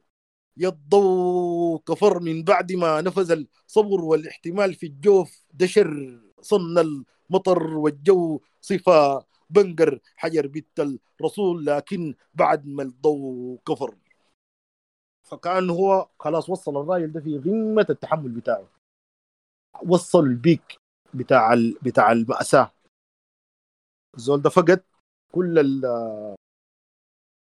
بيوته زراعته حاجاته وبقى مضغوط من الرياح ومن الهواء ومن المطر ومن أي حاجة. ووصل مرحلة بتاعت إنه هو زي ما بيقولوا طلع من طور يعني جاب خارجية يا أخوان زي ما بيقولوا الجماعه نرجع لل... لل... أو هو مش نرجع مش نرجع نحن بيرجع هو. بيرجع لشنو؟ لجوز الرماد ده يورينا إنه جوز حاصل على شنو. قال ضربت شعاعات الشمس في دو في دوشة فوق جوز الرماد. جوز الرماد ده قبيل هما بس كان فيه حاجة واحدة. كان فيه الحاجة اللي وداها اللي هو نحن ما عرفناش شنو قال وداها فوق جوز الرماد. لكن قال في دوشه فوق جوز الرماد؟ رجع بينا للقطه لجوز الرماد. طيب جوز الرماد فيه شنو؟ قال فيه المخلوقات الآتية. قال فيه كلبة مديني يعني الكلبة بتاعت الزول اللي اسمها مدينة. عندها كلبة الكلبة دي قاعدة في واقفة في جوز الرماد. ما خلاص بقى ما في حتة الكلبة تمشيها. ونعيجتها مدينة دي ذات عندها نعجة. والنعجة دي كدلع كده قالوا نعيجتها وديك العجوز. ديك ده قديم. ما يتضبح. يعني ده ما هو خلاص مرق من الضبح. فبقى ديك العجوز ده جلة. يعني هو صغير ما ضبحوه خلاص بيكون قاعد. ده, ده بس يقعد يعوي كده يعني. وكديس عماد. عندنا ولد اسمه عماد. عنده كديس. وفي طيرة بقر. قاعدة معاهم شوفوا جوز الرماد ده فيه فيه فيه شفتوا اللقطة دي يعني فيها كلبة مديني نعيجتها. وديك العجوز وكديس عماد وطيرة بقر. ودي حيش غريب. يبقى هو ديل ديل ديل ديل ديل في مع الحمارة في دحيش غريب. كويس؟ ودحشك حمارتك. قال قال قال شوف الظروف دحشك حمارتك والضيوف. قلعا يحفتن في الرماد. ديل كلهم واقفين في جوز بتاع الرماد وما واقفين ساي واقفين بيحفتوا في الرماد بيحاولوا يلقوا حاجة ياكلوها. الحاجة دي إنه في في أكل بيجي يعني في في حاجات يعني بتجي. حتى هم يعني كان الأيام دي كانوا بيضحكوا يقولوا إنه والله يا أخي الهنا ده كان اللبن ده والسكر ده كبوهم لجهة لورا شوية قبل الشلالات. كان اتضربت اتخلطت قالوا البحر ده كان جانا لبن وشاي جاهز يعني. فهو رجع لجوز الرماد وورى إنه الجوز بتاع الرماد موجودة فيه الكلبة مدينة ونعيجتها وديك العجوز وكديس عماد وطيرة بقر ودحيش غريب. شوف الظروف دحشك حمارتك والضيوف. ده هنا أول ذكر للحمارة بتاعته إنه وداها فوق غاز الرماد دي الحمارة حقته. وما جاب هي أول حاجة. جاب الضيوف مع الحمارة بتاعته. لأنه هو لما مشي شار الحمارة بتاعته وداه فوق غاز الرماد. وبعد ذاك الكتمة اللي حصلت في البلد بالموية قامت جابت باقي الحيوانات دي خدتهم آه معاهم. قلعا يحفتن في الرماد وبالسكر العيش السماد الموية أولى من العباد وبالفيتريت العيش حكم الموية أولى من البكم. يعني العيش الكبوه ده ده عشان عشان يحكموا به الناس عشان تحكم الناس بأنك أنت تجوعهم. هجم ليك الحل عندك؟ عشان انت تيجي تحكمه. الموية أولى من البكم. إنت الحاجة دي تستخسرها يا أخي من الناس بدل تديها للناس. الساكتين ساعي عشان كده هو رمز لهم بالبكم أو شبههم بالبكم. الموية أولى منهم تدي الحاجات دي. لا الموضوع ده مزعل وكان زعل جدا جدا وقرر ملص العريريقي ولباسه مصر ما غير خم خم عقاب الكسر ولا بريل قديم. من دندهوب المنتكل في النيم شال باقي الاكل ما خلاص الدندهوب بتاعه زاد وخلاص اتكى. ليه؟ لأنه الواطه تحته خلاص الموية بلدتها شديد. بقى إنه ما كل العيدان آه الواطه تحتهم بنفس القوة. فالدندهوب بتاعه بقى منتكل في نيمة. من دندهوب المنتكل في النيمة شال باقي الاكل خمل رياح خمل مطر خمل جراح خمل دبيب في القفة مو جايب خبر. ده دي الحاجات اللي بدأ يلقط فيها. موديه لشنو؟ موديهم لجوز الرماد للحيوانات اللي هو حمارته والضيوف بتاعنا دي داير يديهم حاجة كده تسندهم شوية. لأنه هو بيحفتوا في الرماد عشان يلقوا حاجة يأكلوها فعرف إنه هم الجوع ضربهم. كويس؟ وزعلان من الراجل اللي استخسر الأكل في فيه. يعني هو ورى إنه هو مهتم بالحيوانات وبضيوف الحيوانات الحيوانات الموجودين رغم إنه هم طيرة مزارع وكلبة وهنا هو أدى كل أنواع الحيوانات الموجودة حول حوله هو كمواطن وكزول من المنطقة وإنه هو مهتم بهم ولقط باقي أكل ماشي يودي لهم وأمير المؤمنين داك شال اللبن والسكر دفقه في البحر. خمل دبيب في القفة مو جايب خبر قصاله فرعين منقبل منجل هبر حشحش صبايطن هن صفر لكن غلاد.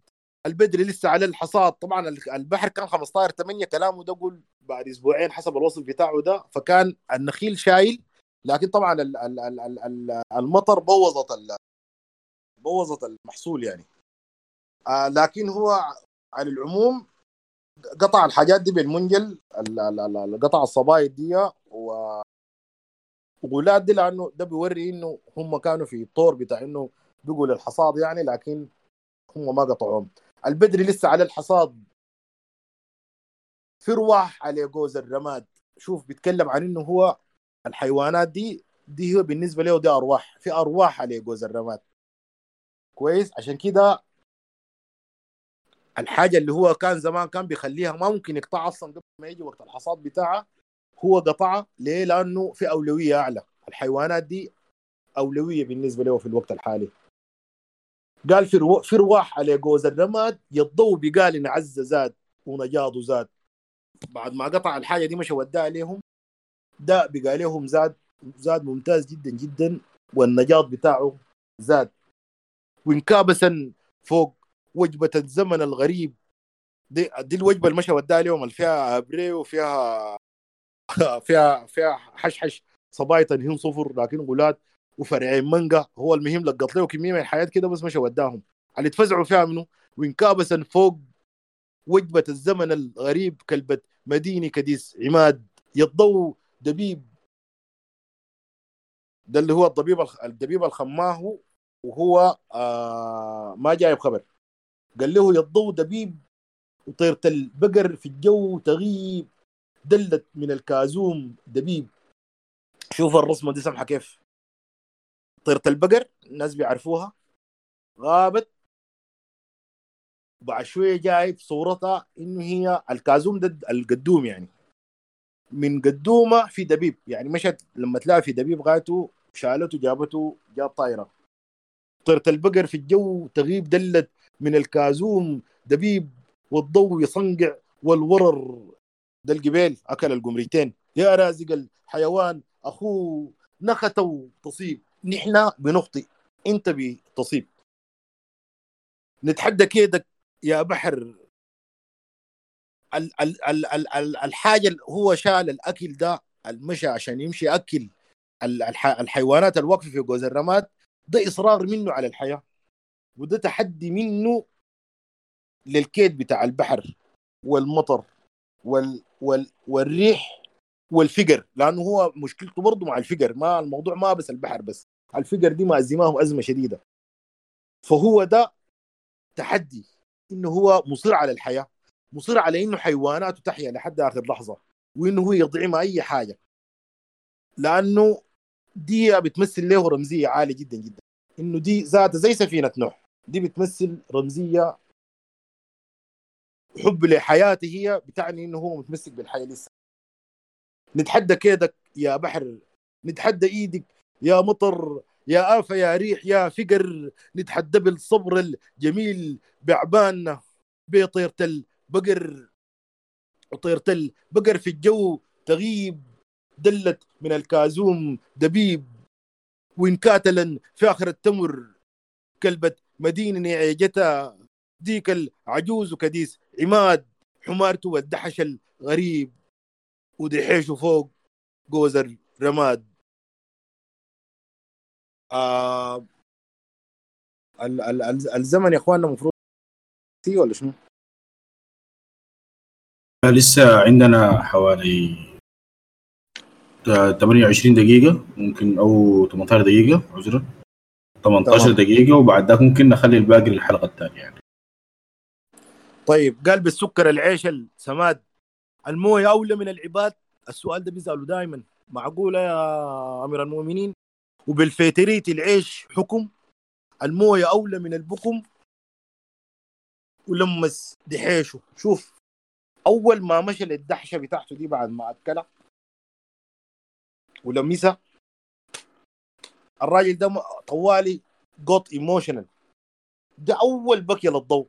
مش ولمس دحيشه أول ما مشى لمس دحيشه ده آه بكى. ولمس دحيشه الضوء بكى. بكاه ده ما ضروري إنه يكون بكى وما بكى. كأنه بكى بحاله بلسان حاله. كويس؟ البكاه شنو؟ قال الضوء بكى. بكى ما بكى. بكاه حس الطائرات. بكاه قدرته تنتهي. بكاه يرجل معجزات بكاه قلت الموية خف وقل من كم واربعين. بكاه كذب حاسته وصدق أمير المؤمنين. بكاه ما رمى للكوريق زاق في أوائل النازحين. مع إنه دن مع إنه أدنى الناس شتول وأخف سكنه وقل طين وينضر أكثر منهن. لكنه ما ندمان يمين. طيب نجي للحياه البكته طبعا كان في طائرات يا إخواننا لأنه الناس المنطقة والمنظمات وكده بعلاقاتهم بدوا يمشوا لأنه كانت كارثة كبيرة يعني. فبدوا يجيبوا للناس الحياة اللي بيحتاجوا لها يعني. بدوا يجيبوا أكل بدوا يجيبوا حاجات بطاريات روادي عشان يتكلموا مع الناس بدوا يجيبوا بطاطين بدوا يجيبوا معينات خيم يعني حاجات معينة يعني. فدي كان بتيجي بالطيارات الطيارات المنطقة في المنطقة ما كان فيها طيارات بتكون كثيرة. 88 كان في مطار في مروي تعبان جدا جدا وبتجيه طيارة from time to time طوال يعني. فبقى في حص طائرات كثيرة جدا جدا. وده بالنسبة له كان هو يعني ضعف يعني إنه هو قاعد عشان يرجع الطيارات عشان يشوف إنه الطيارات دي حتجيب شنو. فالحاجه دي زعلته. بكاه حص الطائرات وبكاه قدرته تنتهي. وبقى ما عارف يعمل شنو. يعني هو زول مهزوم كان تماما. بكاه يرجى المعجزات. في نص الأزمة دائما التفكير الطبيعي للإنسان إنه هو بيكون داير معجزة. إنه يا الله يا أخي حلنا من الشغلانة دي. يا الله ما بعرف شنو. فبكون فبكون راجل معجزات فالحاجة دي ذاته مزعلاه إنه يكون راجل بكاه قلت الموية اخف وأقل من كم و40 لأنه آه في في كان في حاجات كثيره المفروض تتعمل. لما الناس قاموا حذروا قالوا يا اخوان الموية دي ماشية زايدة. وإنه المفروض الناس يتخذوا تدابير عشان البحر ده ما يكسر ويغرق البلد. في ناس قاموا قالوا لا لا يا أخي المويه ده أقل من 48 ولا 46 الجفاف فيضان وكده. فدي ذاته زعلته يعني زعلته القوله دي. يعني بدأ يراجع إنه كان ممكن في preventive actions ممكن تتعمل وهو ما قدر يعملها. بكاه قلت المويه خف وقل من كم و40 بكاه كذب حاسته. هو كان حاسس إنه الشغله دي بتكتم لكن شنو؟ هو قام سمع.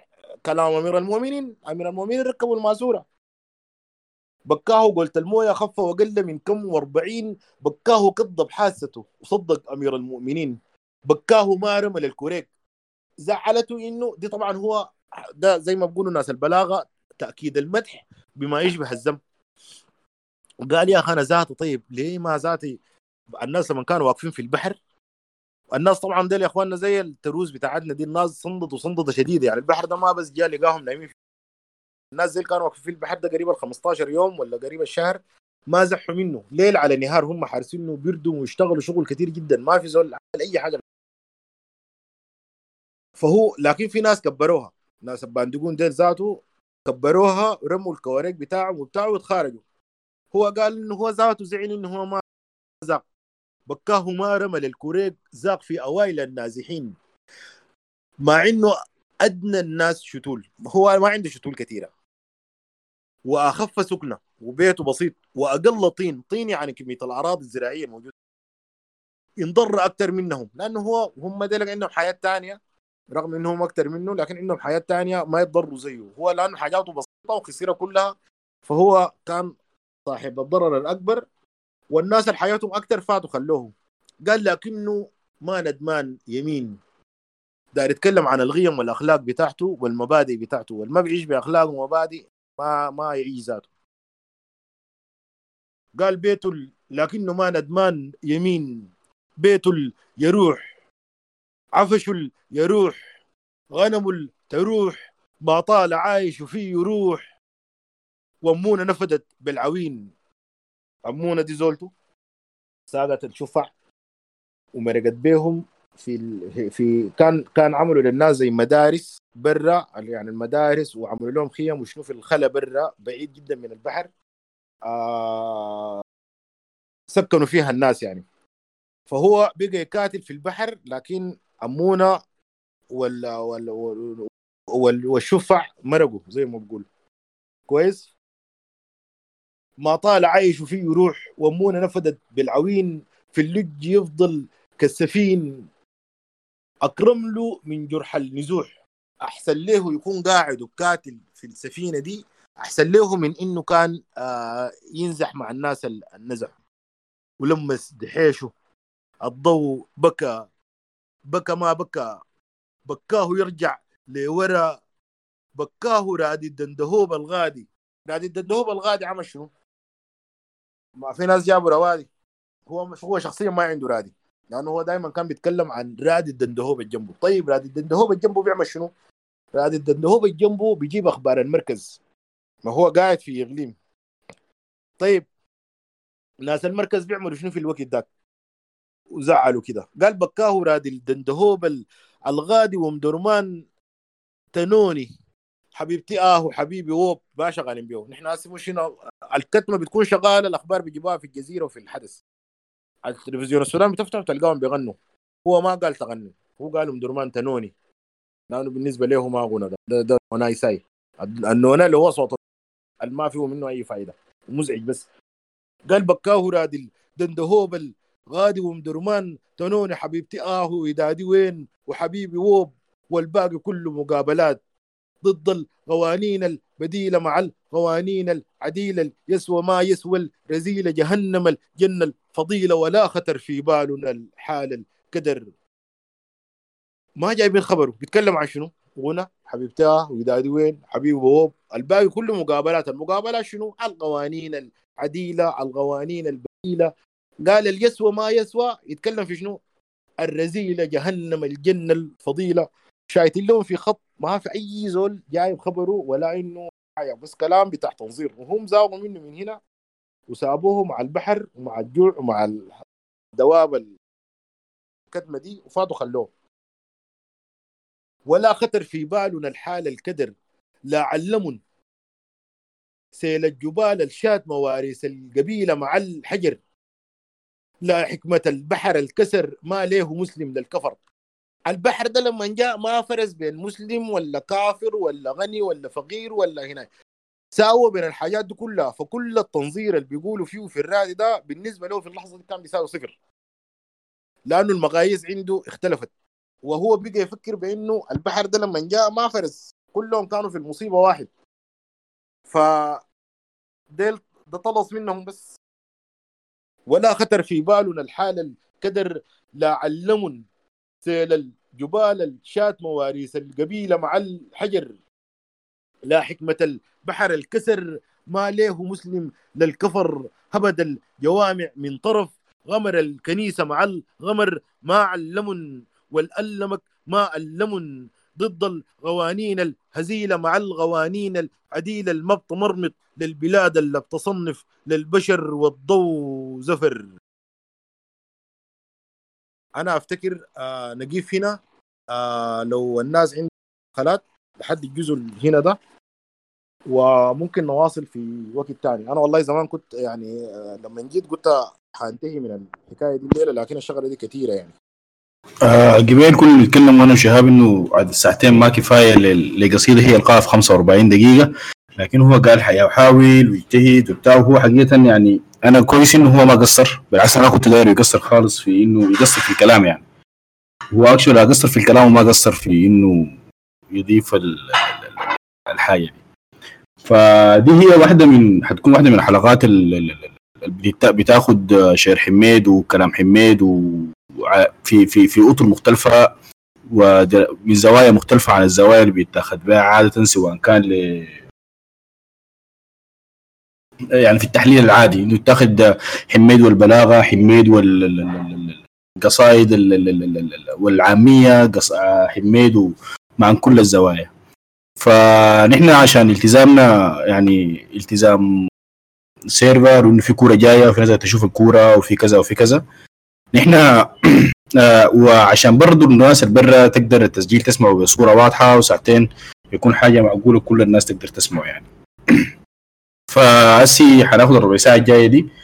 آه، إذا في زول عنده استفسارات أو أي أسئلة أو إضافات أو تعقيب أو أي حاجة فاتفضلوا يعني. آه قبل هنا أنا أنا م- الله معجب بالتكوي دي ومبسوط إنه قالت هي خلصت المكوى يعني. هو شايف حقه نربط له شاب بالمكوى عشان ال- ال- ال- ال- الموضوع يبقى سهل. آه واضح. يا محمد آه، القصيدة الواحدة لو بقت في تسجيلين في SoundCloud بتبقى حاجة حاجة مزعجة. وعندكم طريقة ال- تواصلوا لو عندكم طريقة تواصلوا لأ. خليها خليها خليها ال... اي ما مشكلة ما مشكلة. هنا ممكن تسجيلين ذاته أخي ينزل. في تسجيل واحد. أنا آه، اكتشفت. إنه- أنا أنا اكتشفت إنه نحن ما وصلنا نص ذاته. وأنا ذاتي ما قايله حتكون كثيرة كده. وأنا الحقيقة كنت عاوز أتكلم فوق فوق يعني لكن إحساسي بالناس والكلام الجميل اللي قاعد يكتبوه لي هنا وطبعا هسه أنا أقفل شكله حابكي عديل. آه هو اللي خلى إنه آه أقوم أمشي بالراحة شوية يعني. فعشان كده داير أقول بس حاجة حصلت موضوع موضوع حميد ده أنا وشهاب آه، اتكلمنا فيه كثير كثير كثير شديد وكنا إنه نبدأ project بتاع بتاع بتاع حميد ده نحن يعني في الحلقات الجاية حنجيب ناس من الناس اللي قعدوا معاه والناس اللي عاصروه والناس اللي كانوا معاه في المدرسة وفي الحلة وفي الجامعة الناس اللي نحن نعرفهم طبعا ما حنقدر نجيب كل الناس اللي كان بيعرفهم. ف حتقعدوا. لكن لما جينا قعدنا للموضوع ده وكان معانا زول ربنا يمسيه بالخير السي. ثالث لما قلنا له طيب الموضوع ده نحن إذا بدينا فيه الليلة هنخلص 200 قال والله يا أخي نحن يعني لو مستعجلين كده سنة ونص بتكفينا. ونحن بنتكلم عن إنه حنكون مشروع ديديكيتد له يعني فاهم. فالموضوع ما حيخلص القصيدة حتاخد ثلاثة وستة وسبعة ساعات ونجي نتناقش فيها برضه في ثلاثة وأربعة وخمسة وستة ساعات حنواصل 200 حنواصل في نص الأسبوع غالبا في أول يوم فاضي بالتنسيق مع حارس وفوزي وأبي والشباب ديل آه، أول يوم فاضي ح... ح... حنبدأ فيه إن شاء الله طوالي حنعمل كل. ال... يعني شهاب حيدي كل اللي بيقدر عليه وأنا متأكد إنه هو مبسوط جدا بالحاجة دي. أيوه أنا أنا برضه هسه قاعد أتكلم باختصار. يعني هسه أنا ما قلت كل الحياة داير أقولها في الجزء اللي فات آه لكن نخليها زي طبقات كده. يعني لأنه هسه تفضل كثير وفيه حاجات جميلة يعني. يعني آه في واحدة من الحاجات اللي أنا أخذتيها في ال في ال status بتاعي في ولا بيسموه في ال bio بتاعي في في تويتر بتاع حدرلو من جوز الرماد رمن الرمش قالوا له مش دي أنا كان اتكلمت فيها يوم كامل. بس بتكلم بس بس عن البيت ده يعني. فأنا بالنسبة لي الرأي ده مش ف... وفي نفس الوقت داير أكون خفيف على الناس وأنا لأنه أنا متعود إنه لما أتونس بعاين للناس في عيون بعرف ال feedback إنه هم بيسمعوا قاعد يسمعوا كده. لكن هسه أنا بس بعرف من الكتاب اللي بتجي وفي نفس الوقت داير أقرأ من القصيدة. فصعب علي إنه أنا أتابع إنه إنه الناس إنه السرعة بتاعتي دي كويسة سريعة بطيئة مملة. يعني ما قادر أعرف الفيدباك لأنه ما ما شايف عيون الناس. أنا بتعامل مع عيون. أنت يا شهاب ما, يعني راجل متحدث لبق وعارف وبتقرأ الناس حتى من كل حتة وقادر توصل. وأنا متأكد إنه الناس كانت مستمتعة جدا. وهندا شايف انت الردود على في الشات إنه الناس مستمتعة بالحياة دي قدر كيف. وال وال وال والناس دايرة حاجة قدر كيف. ونحن ما مستعجلين يعني. بمهلة شديدة ناخذ كل حتة ونعرفها ونفهمها ونحللها عشان نفهم كلنا على الأقل حميت صح.